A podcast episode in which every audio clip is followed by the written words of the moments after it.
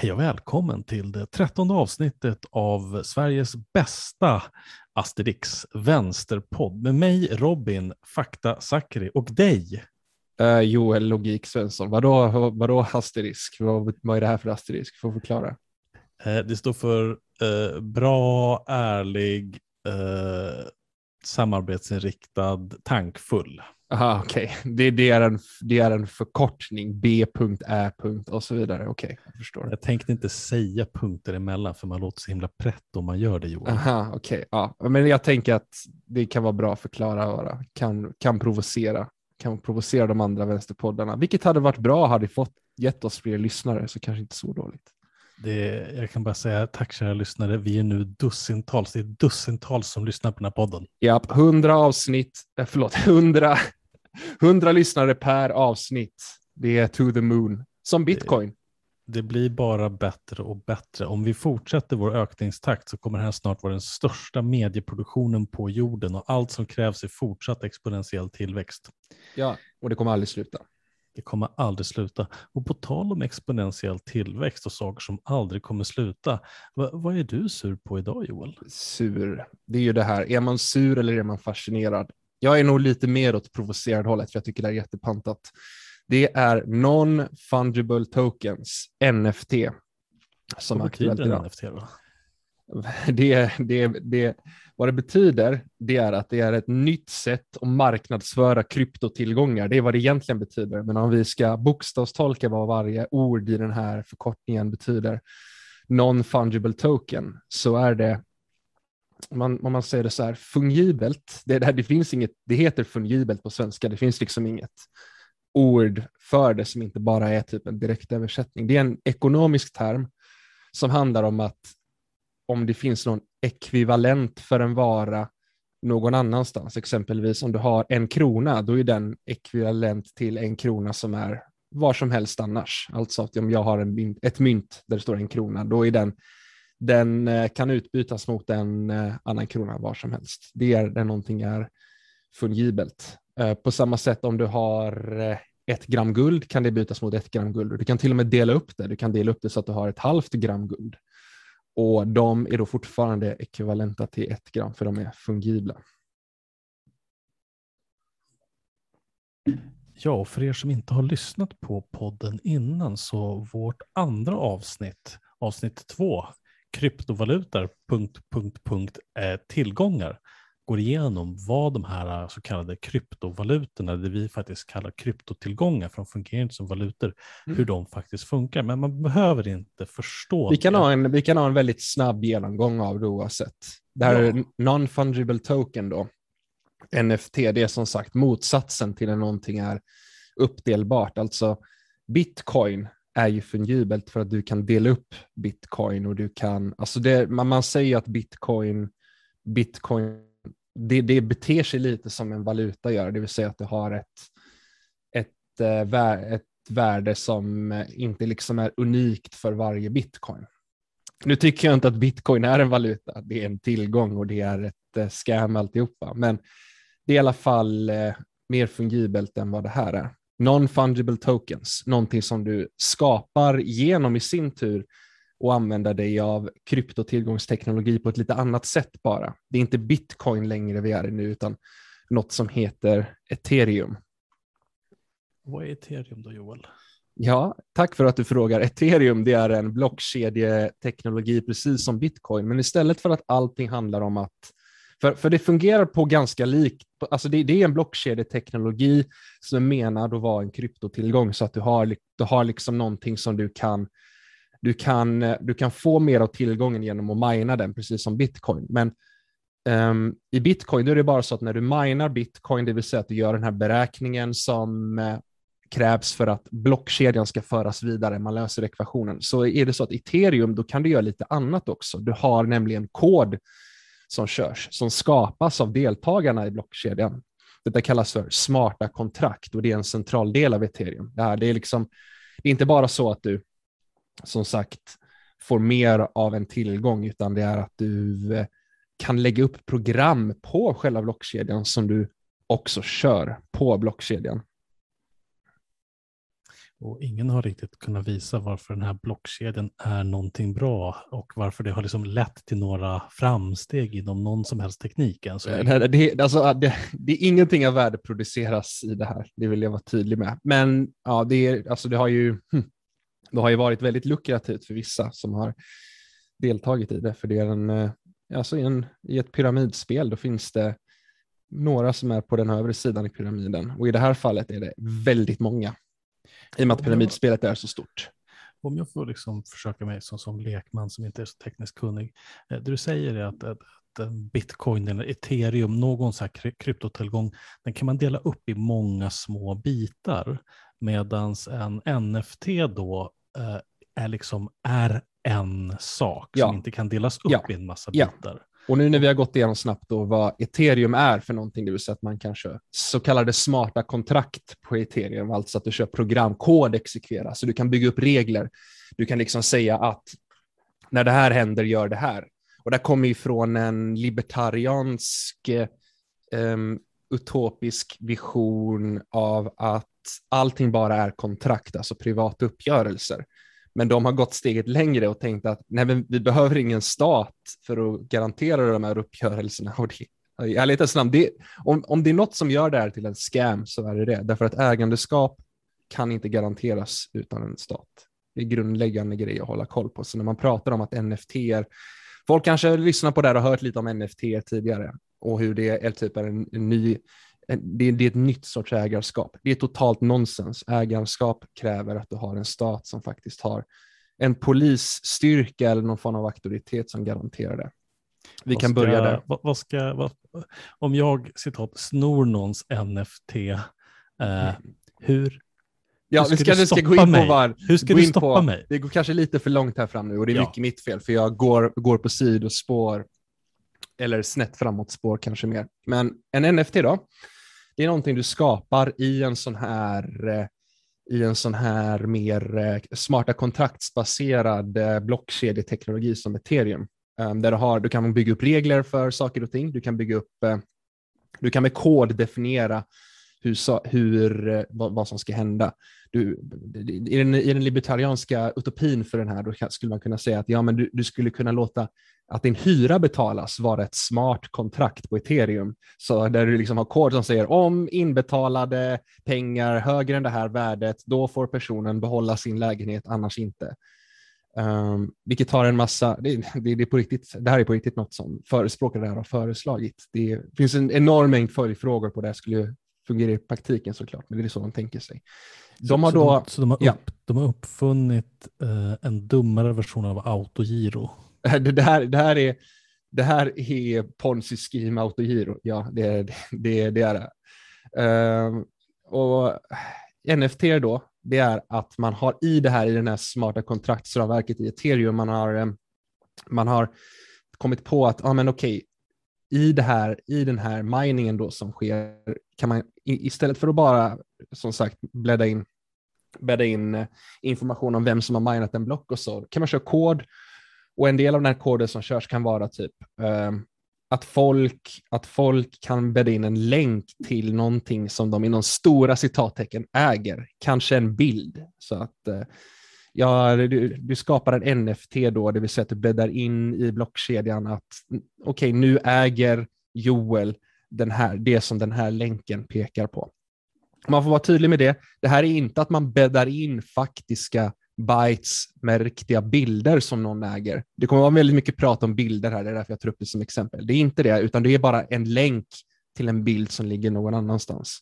Och Det har funnits fall där folk bäddar in länkar i sina NFT för sina NFT där de pekar till ställen där man lagrar bilder och de bilderna sen försvinner, för vi vet ju att ställen som hostar bilder kan gå ner. Whoopsie. Ja, där är, och det är så som NFT fungerar då, för att alltså om du har en unik länk till en bild, då är ju den, eh, då är den Mm, då är den, den är bara, den är bara ekvivalent till sig själv. Alltså du kan inte dela upp den i två delar. Du kan inte, det finns ingen annan länk förmodligen någon annanstans, utan den är unik, den är non-fungible. Och eh, token då, det är då eh, den här strängen med textdata som är själva beviset för att du äger allt det här. Och var mm. inte lite sånt här vi skulle komma undan med digitala tekniker? Vi kan kopiera saker till ingen kostnad. det princip. finns en väldigt rolig troll som folk gör om NFT på Twitter och det är att de säger att jag, jag har snott tre triljoner dollar värd eh, NFT genom att bara ta save as. För det är ju, alltså, hela den här skiten, hela den här skiten är ett scam som handlar om att det är lättare att marknadsföra bilder än att marknadsföra abstrakta bytes. Vi kommer återkomma det, till det. Det, det är det man ser i media just nu om, om liksom någon konstnär som har gjort något, något verk eh, och som sen blir en NFT och säljs för massor med miljoner. Ja, ja. Stora citattecken runt konstnär, stora citattecken runt verk. Alla de här verken är ganska, de liknar varandra ganska mycket och det har att göra i marknadsföringens logik varför de gör det. Jag kommer återkomma till det. Ja. Vi kanske ska prata nu lite om, eh, ja, jag, jag ser i mina anteckningar, bara en kort grej och eh, kort grej att säga om ethereum. Den har en, eh, själva valutan för ethereum heter ether, det är som bitcoin. Eh, det, det stora grejen kallas ethereum, valutan kallas ether.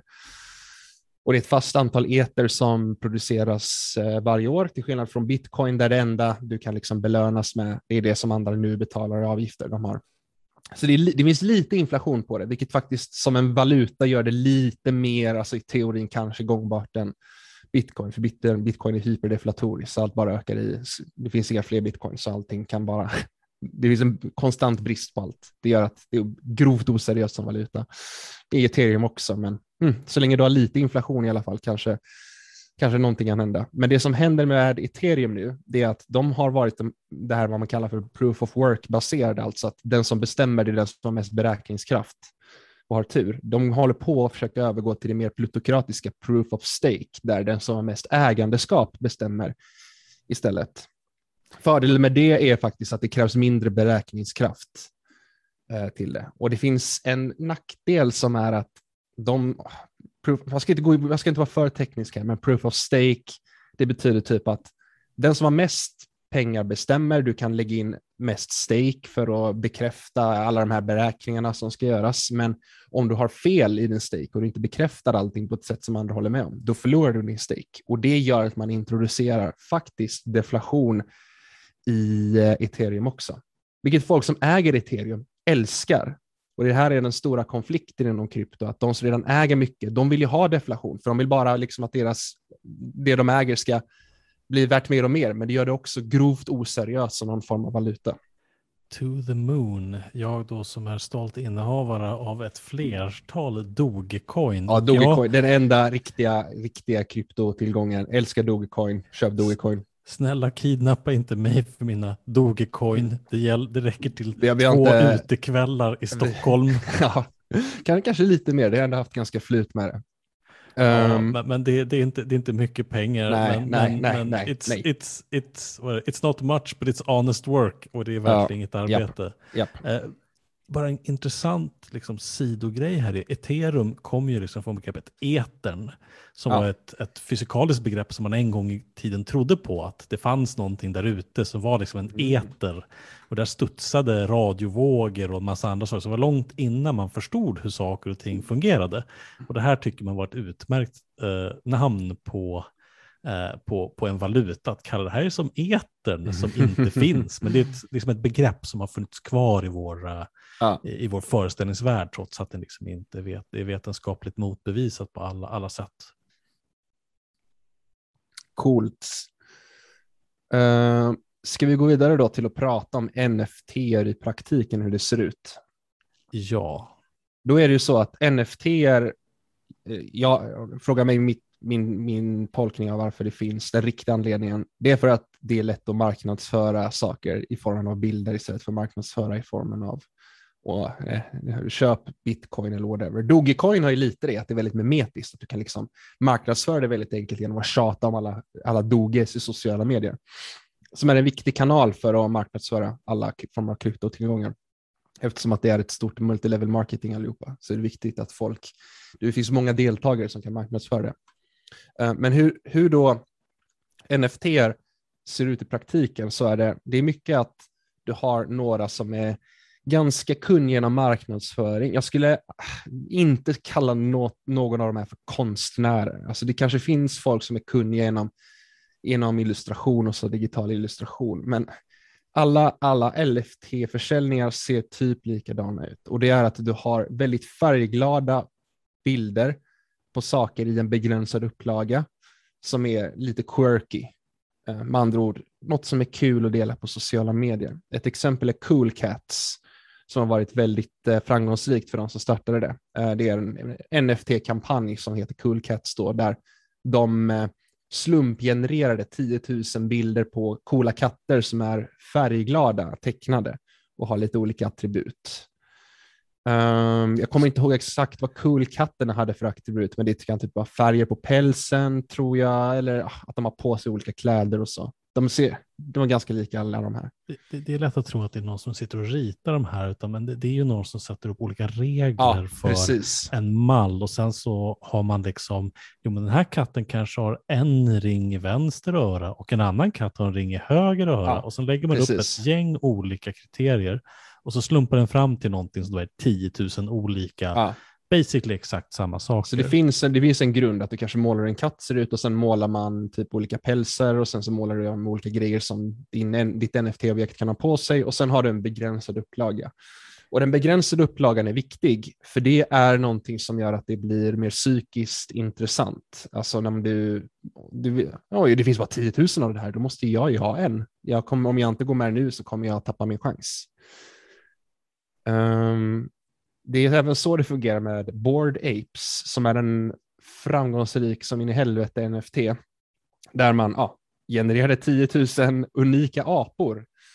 Um, stora citattecken. Hur var de unika? Ja, de, är unika för att de har olika färger, de har, olika, de har lite olika attribut. Någon har cigarr, någon har en hatt, någon har lite, någon tatuering, någon har lite annorlunda kläder.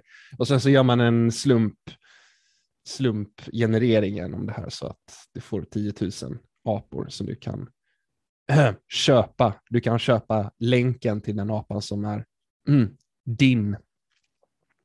Stora citattecken. Vem som helst som tittar på den här apan kan ju såklart kopiera den och lägga den på sin dator. Alltså, ja. det, det, det, som här är ju det att det, poängen är att någon person kan säga ursäkta mig, eh, inte polisen, för att de kan ju ska inte kunna ska inte ha någon stat som... Nej, nej, nej, nej, polisen ska, ska inte vara aktiv.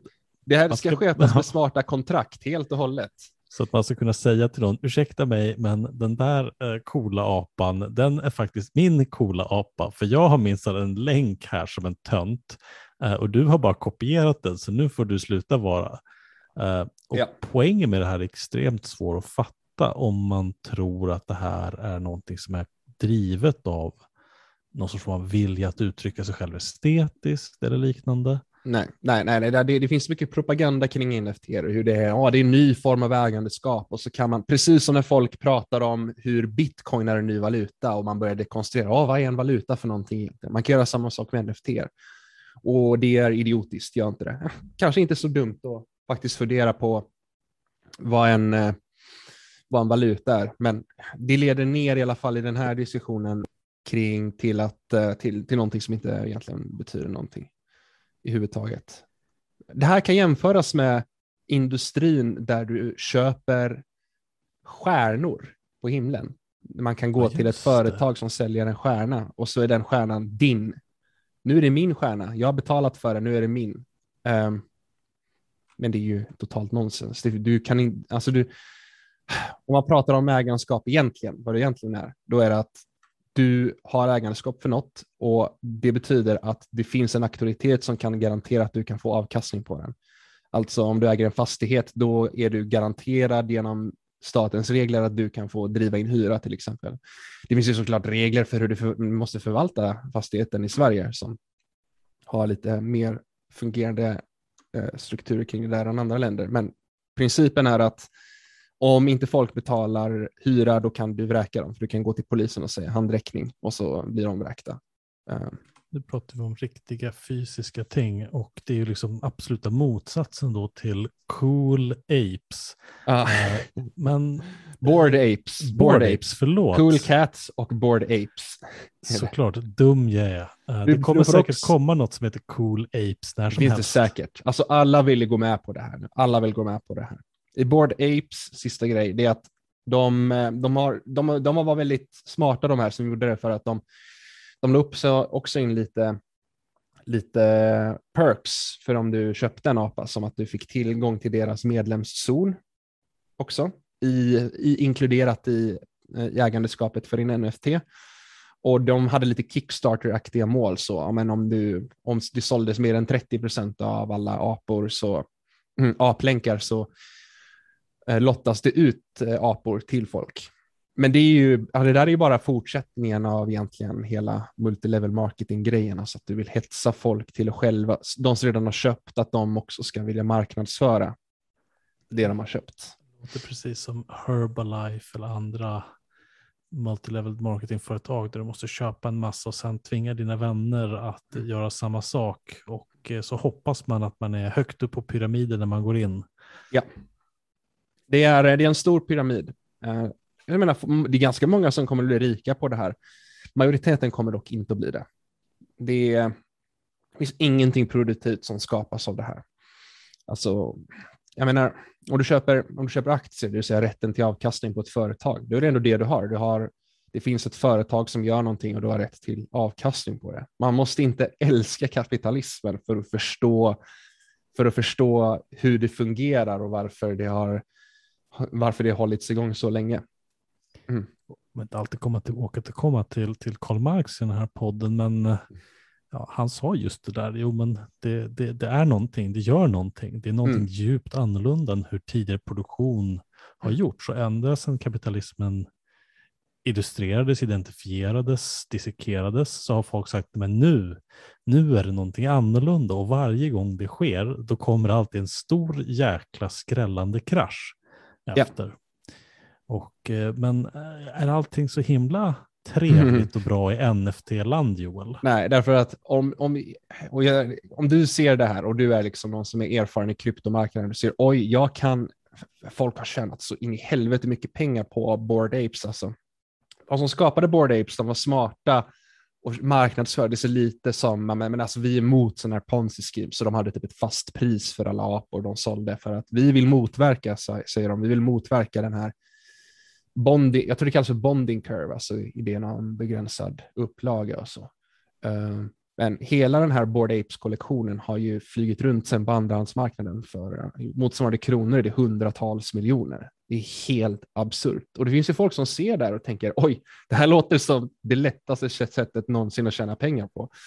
Och så har de kopierat det. Och då kommer vi till Evolved Apes då, som eh, såklart är inspirerat av, inspirerats av Bored Apes, som eh, eh är en NFT-samling med länkar till bilder på, du kan gissa det, 10 000 unika apor som eh, är färgglada med olika utsmyckning så att det ska vara lätt att marknadsföra.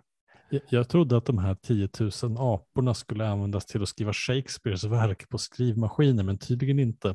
Nej, det de här 10 000 aporna skulle enligt marknadsföringen användas till att eh, de skulle vara med i något fightingspel som någon, de hade gjort en snabbt producerad video för. Och så skulle man eh, få cash giveaways som man köpte en apa. Precis som i Bored Apes då så fanns det perks av att köpa.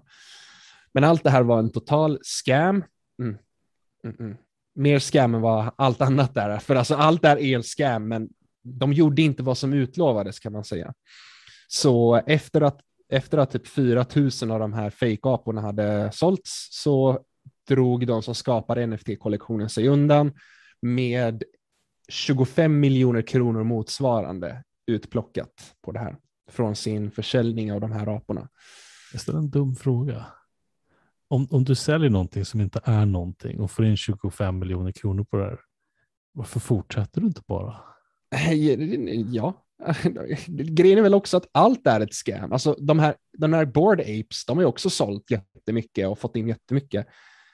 Och vad har de skapat egentligen? De har inte skapat ett skit. De höll lite mer av vad de lovade för att det finns en, eh, det finns en sajt och så finns det en medlemskapszon och så finns det, det finns en massa andra komplicerade grejer också som jag har skitit i för jag tycker det är ointressant i sammanhanget.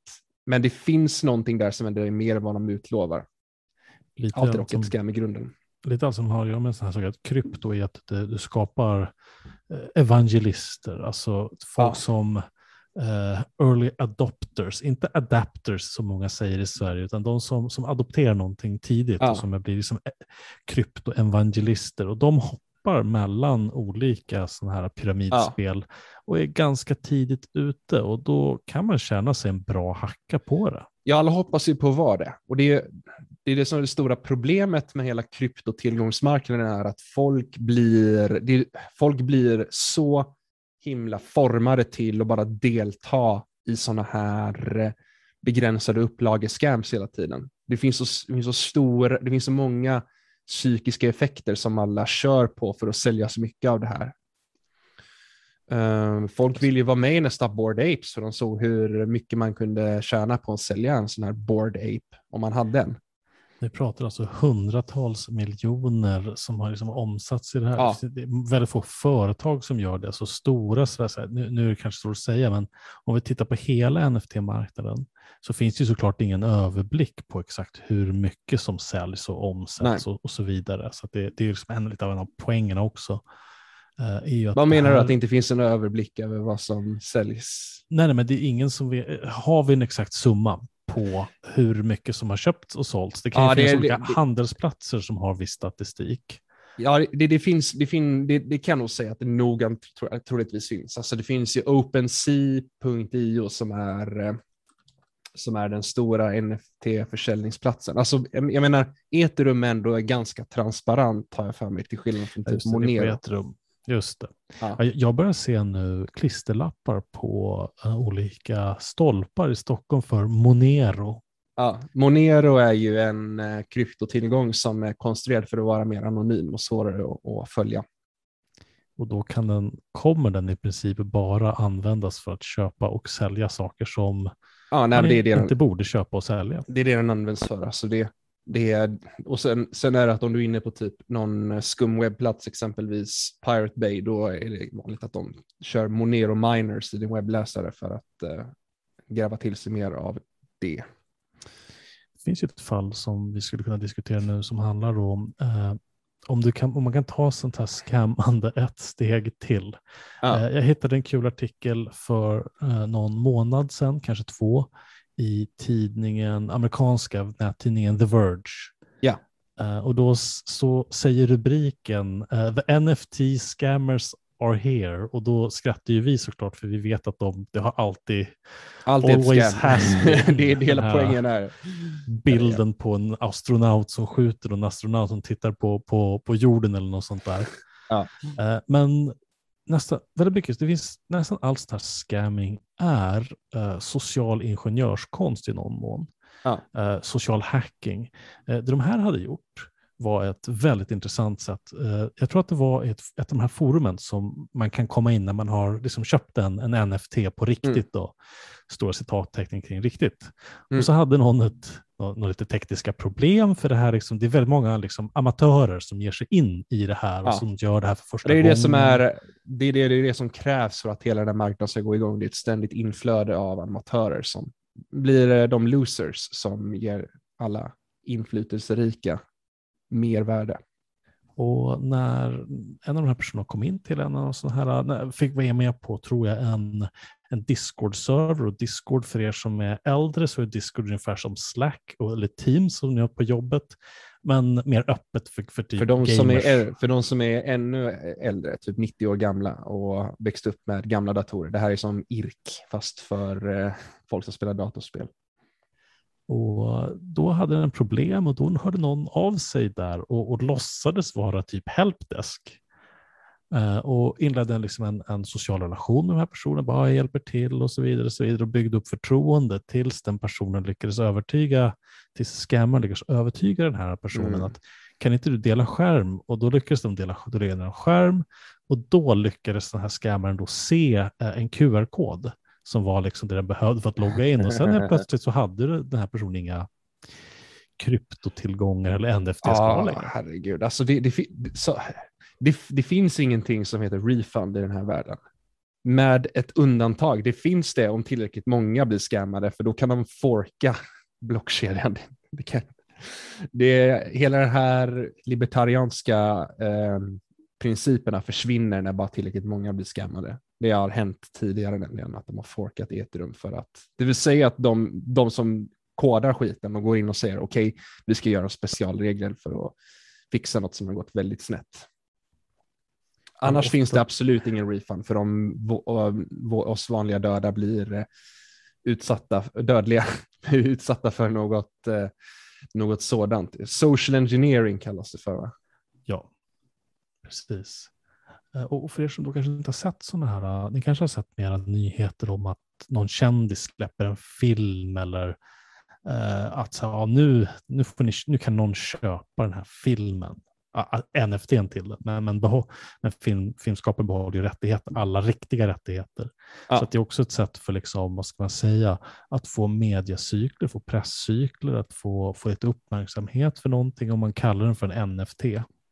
Ja, all NFT handlar om marknadsföring. Det handlar inte om ägandeskap, även om vissa kanske tror det. Det handlar om marknadsföring, för det är lättare att marknadsföra någonting som bygger på någon form av multimedia alltså ljud, bild, video, än att marknadsföra någonting som bara handlar om bytes, bara handlar om data någonstans i en abstrakt värld vi inte kan se. Och det här ska inte tas som att vi rekommenderar någon att investera i NFT för att den råkar tro att den är tidigt ute på marknaden. Det är, nu är du inte tidigt ute längre. Där dyker upp i den här podcasten. Vi gillar att tänka att vi är tidiga med grejer, men eh, nej, så tidiga är vi inte tyvärr. Vi, vi, är oftast långt, långt, långt mycket tidigare än liksom vanlig mainstream media, men vi är inte tillräckligt snabba eller intresserade för att vara liksom med på the ground floor så att säga, när hissen åker upp. Ja, upp jag, har ändå, jag har ändå känt till NFT ett tag. Det som fick mig att bli indragen i det igen med alla de här eskalerade mängderna med scam som har dykt upp på senare tid. Och det är väl det som har gjort att eh, det har fått mediecykler liksom. Jag vill ta att det är väldigt intressant att uh, om, uh, om bitcoin och, och, ethereum och litecoin och allt vad de heter liksom emulerar um, finansmarknaden i någon mån. Mm. Så kan man säga att NFT emulerar konstmarknaden i någon mån. Mm. Och då kanske man ska ställa sig frågan, men, men vad, vad är konst? Ja det, det, är en stor fråga och eh, när man ser de här olika NFT-scamsen av olika slag så tycker jag nästan att de allra flesta förmodligen skulle sluta sig till att ja, 10 000 genererade, eh, autogenererade apor, det, det, kanske inte är något vi ska förläna med stämpeln konst. Eh, men någonting är det. Och det finns ju en stor diskussion om vad som konst är. Är Lars Vilks verk konst är och så vidare. Jag vet mm. inte, men, men det jag vet är att uh, det finns en fransk sociolog som är liksom så här som man får läsa på, man läser sociologi A och sen aldrig sluta prata om, som heter Pierre Bourdieu. Och mm. Jag ber om ursäkt för mitt franska uttal. Det lät jättebra. Ja, säger du ja, men du pratar väl inte franska? Nej. Nej, precis. Eh, bra, ingen ifrågasätter mig. Eh, men, men, han gjorde olika så här, sorters studier då på, på olika, vad han kallar kanske fält. Alltså ett fält kan till exempel vara konstens värld. Eh, och då funderar man på, funderar på men när, när, när, när räknas någonting som någonting? Eh, mm. Vem är det som bestämmer att någonting är någonting? Och I konstvärlden så handlar det ganska mycket om att institutioner um, att gallerier eller liknande uh, säger att jo men det här, det här är stor, det här är konst och så säljer de det vidare sen. Mm. Så att, uh, och i den så finns det ju en, en, vi ska komma ihåg att konst kanske som marknad kanske framstår som en trevlig historia där liksom det är någon som har suttit ner och eh, låtit hjärtat blöda över duken och visat hela världen vad den tycker om. Men det är väldigt smutsig bransch för att ju mer kapital som, som, som ackumuleras i samhället, när det gäller, särskilt när det gäller Ja. eh, nu när det pumpas ut så kallade kvantitativa lättnader, så Ja. letar ju rika människor efter ställen att placera pengarna. Man kan väl se det som att, jag pratade ju snabbt om marknaden, alltså att du köper rätten till avkastning och då finns det ändå något i grunden som är att, du, att det finns ett företag som genererar vinst och gör någonting. Man kan väl säga då att det finns, och det är mycket spekulation på aktiemarknaden, att saker och ting, att aktier kan ha ett värde som kan vara extremt frånkopplat till vad det faktiskt gör eller vilken avkastning det ger. På samma sätt kan det ju samma logik kan ju finnas till konst. Jag kan tänka mig att om allting bygger på vad vissa institutioner och auktoriteter säger att något är värt, då kan det ju vara så att kapital attackerar de institutionerna och, gör dem, och inför en viss korruption i det hela, exempelvis. Ja, och så har det nog alltid varit. Alltså, konst finansierades en gång främst av kanske människor som gjorde det själva och av någon mecenat, någon rik typ. Liksom. Eh, konst blir allt mer då, i och med att det finns mer och mer pengar, tillgångspriser, alltså för det som är, är finansiella tillgångar, som eller kanske hus och liknande, bara exploderar. Och då gör det även på konst. Så folk, köper, folk som är rika köper konstverk, de sätter inte ens upp dem på väggarna, de kanske till och med låter dem, de magasinerar dem på något hemligt magasin och så vidare. Så att konst är en av de bästa ställena att gömma pengar Ja. Eh, så att ingen kommer åt det. Och det kan till och med vara så att på vissa ställen att, att köpa och sälja konst inte innebär att du behöver beskatta det, därför att det ses som fint. Du kan sedan ta all den här konsten som du har ackumulerat och ställa ut och sätta upp dem, vilket gör att de får ett ännu högre värde. Så att eh, det finns ju människor som jobbar bara med att investera i konst för rika människor och då kommer vi då till en, en, en NFT-bit där, där man kan låtsas att nu demokratiserar vi det här så att alla Ja. kan få vara med på, på den här konstspekulationen. Ja. Det kanske som är fördelen med den gamla konsten är ju då att det, om du köper en tavla så har du en, en tavla. Du, du kan rulla ihop duken och lägga den i ett papprör. Eh, men, och det är ju betydligt mera solitt och faktiskt Den har en, ju- en länk till en hemsida. Ja, alltså om man återgår till jämförelsen innan då, en aktie, det är ändå någonstans en verksamhet som producerar någonting. En tavla, det är någonting jag kan sätta upp hemma.